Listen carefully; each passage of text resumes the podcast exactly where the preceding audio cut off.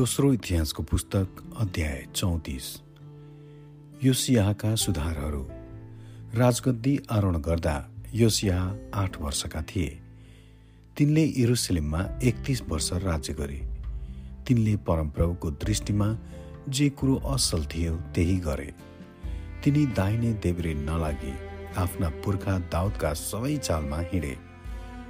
तिनका राजकालको आठौं वर्षमा तिनी जवान छँदा तिनले आफ्ना पुर्खा दाउदका परमेश्वरलाई खोज्न सुरु गरे। अनि बाह्रौँ वर्षमा यहुदा र एरुसलेममा भएका डाँडाका थानहरू र असेरा देवीका खम्बाहरू अनि खोपेर बनाएका र ढलौटे मूर्तिहरू हटाउन सुरु गरे। बाल देवताहरूका वेदीहरू तिनले भत्काउन लागे र तिनीहरूका माथि भएका धुप वेदीहरू टुक्रै टुक्रा पारे। तिनले असेरा देवीका खम्बाहरू र अरू सबै मूर्ति र प्रतिमाहरू टुक्रै टुक्रा पारेर धुलो पिठो बनाए र तिनका बलिदान चढाउने मानिसहरूका चिहानहरूमा ती छरिदिए। तिनले तिनका पुजारीहरूका हड्डी पनि तिनीहरूकै वेदीहरूमा जलाइदिए र यसरी तिनले यहुदा र एरुसलेमलाई शुद्ध पारे। तिनले मनस्से एफ्राइम सिमियोन र नप्तालीसम्मका सहरहरू र तिनका वरिपरिका भग्नावशेषमा भेट्टाएका तिनीहरूका वेदीहरू र असेरा देवीका खम्बाहरू भत्काइदिए अनि ढालेर बनाएका मूर्तिहरूलाई तिनले धुलो पिठो पारिदिए। इजरायलको देशभरि नै भएका धुप वेदीहरूलाई तिनले नाश गरे। त्यसपछि तिनी एरुसलेममा फर्के। योसियाका राजकालको अठारौं वर्षमा देश र मन्दिरलाई शुद्ध पार्नलाई तिनले असल्याका छोरा सापान सहरका शासक मास्या र राज्यका लेखापाल ओयाजका छोरा युवालाई परमप्रभु तिनका परमेश्वरको मन्दिर मर्मत गर्न पठाए। तिनीहरू प्रधान पुजारी हिल्किया कहाँ गएर तिनलाई परमप्रभुको मन्दिरमा ल्याएका रुपैयाँ पैसा दिए। अर्थात् ती पैसा जो द्वारपालको काम गर्ने लेबीहरूले मनस्य इफ्राइम र इजरायलका बाँकी रहेका सबै मानिसहरू अनि यहुदा बेन्यामिन र एरुसलेमका सबै बासिन्दाहरूबाट पनि जम्मा गरेका थिए। तिनले त्यो पैसा परमप्रभुको मन्दिरमा काम गर्नेहरूका मुख्य कर्मचारीहरूका हातमा दिए र मन्दिरमा काम गर्ने मानिसहरूले त्यो पैसा मन्दिरको मर्मत र त्यसलाई सुदृढ पार्न प्रयोग गरे। तिनीहरूले त्यस पैसाबाट यहुदाका राजाहरूले नष्ट हुन छोडिदिएका भवनहरू मर्मत गर्न काटेका ढुङ्गा अनि दलिन र सत्तरीका काठहरू किन्न पनि सिकर्मी र डकर्मीहरूलाई खटाए। यी मानिसहरूले इमान्दारी साथ काम गरे। तिनीहरूले मरारी वंशका लेवी र यहत र ओब्दिया अनि कहातको वंशका जकरिया र मसुल्लामको रेखदेखमा काम गरे। यिनीहरूको अधीनमा मजदुरहरू पनि थिए। अनि सबै किसिमका काम गर्ने मानिसहरूको हेरविचार पनि यिनीहरूले नै गरे। सबै लेबीहरू चाहिँ सङ्गीतमा निपुण थिए। तिनीहरूमध्ये कोही सचिव कोही शास्त्री र कोही द्वारपालहरू थिए। व्यवस्थाको पुस्तक भेटाइएको।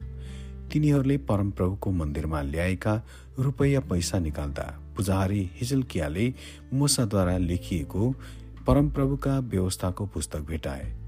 तब सचिव सापानलाई हिल्कियाले यसो भने मैले परमप्रभुको मन्दिरमा व्यवस्थाको पुस्तक भेटाएको छु। हिल्कियाले यो पुस्तक सापानलाई दिए। सापानले त्यो राजा कहाँ ल्याएर भने हजुरले दिनुभएका सबै काम हजुरका अधिकारीहरूले गरिरहेका छन्। तिनीहरूले परमप्रभुको मन्दिरमा भएको रुपैयाँ पैसा लिएर मुख्य कर्मचारी र कामदारहरूलाई दिएका छन्।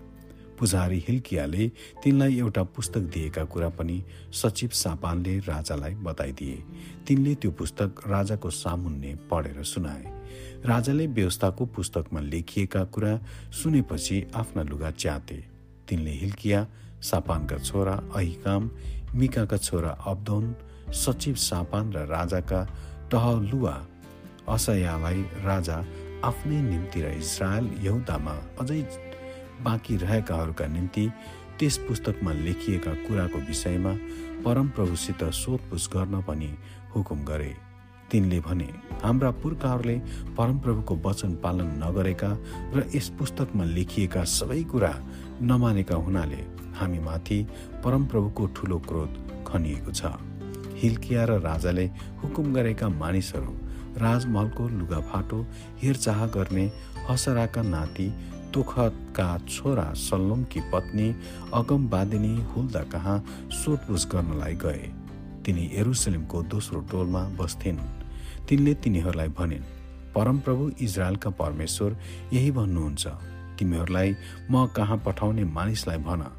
परमप्रभु यसो भन्नुहुन्छ यहुदाका राजाको सामुन्ने पढेको पुस्तकमा लेखिएका सबै शराबहरू पूरा गर्न म यस स्थान र त्यसका मानिसहरूमाथि सर्वनाश ल्याउनेछु। तिनीहरूले मलाई त्यागेका छन् र अरू देवताहरूलाई धुप बालेका छन् र तिनीहरूका आफ्नै हातले बनाएका कुराहरूद्वारा मलाई रिस उठाएका छन्। यसै कारण मेरो क्रोध यस ठाउँमाथि खन्याइएको छ र त्यो शान्त हुने छैन। परमप्रभुलाई सोधपुछ गर्न तिमीहरूलाई पठाउने यौदाका राजालाई यही कुरा भनिदेऊ। तपाईँले सुन्नुभएको वचनको विषयमा परमप्रभु इजरायलका परमेश्वर यही भन्नुहुन्छ। तेरो हृदय जवाब दिनलाई उत्सुक भएकोले र मैले यो देश र यसका मानिसहरूका विषयमा भनेका कुरा सुनेर परमेश्वरको सामुन्ने त विनम्र भएकोले र मेरो सामु त विनम्र भए तैले आफ्नो पोसाक च्यातेर मेरो उपस्थितिमा विलाप गरेको हुनाले तँलाई मैले सुनेको छु। परमप्रभु भन्नुहुन्छ। यसै कारण म तँलाई तेरा पित्रहरूसँगै जम्मा गर्नेछु र त शान्तिसित गाडिनेछस्। यस ठाउँ र यसका बासिन्दाहरूमाथि मैले ल्याउने सबै सर्वनाश तेरा आँखाले देख्ने छैनन्। तब तिनीहरूले राजा कहाँ यो जवाफ ल्याए? त्यसपछि राजाले यहुदा र एरुसलेमका सबै धर्मगुरुहरूलाई भेला हुन भनी बोलाइ पठाए। तिनले आफूसँग यहुदाका मानिसहरू र एरुसलेमका बासिन्दाहरू पूजाहारी र लेबीहरू साना ठुला जम्मै मानिसहरूसँग तिनी परमप्रभुको मन्दिरमा उक्लेर गए।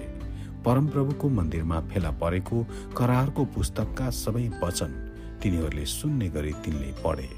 तब खम्बाको छेउमा उभिएर परमेश्वरलाई पछ्याउन र उहाँका आज्ञा विधि र उर्दीहरू आफ्नो सारा हृदय र प्राणले पालन गर्न र यस पुस्तकमा लेखिएका करारका वचनहरू पूरा गर्न परमप्रभुको सामुन्य राजाले करारलाई पुनर्स्थापना गरे।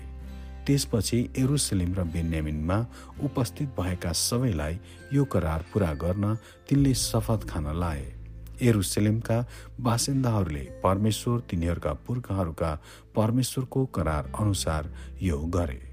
यो स्याले इजरायलीहरूका सारा इलाकाहरूबाट सबै घृणित मूर्तिहरू हटाइदिए।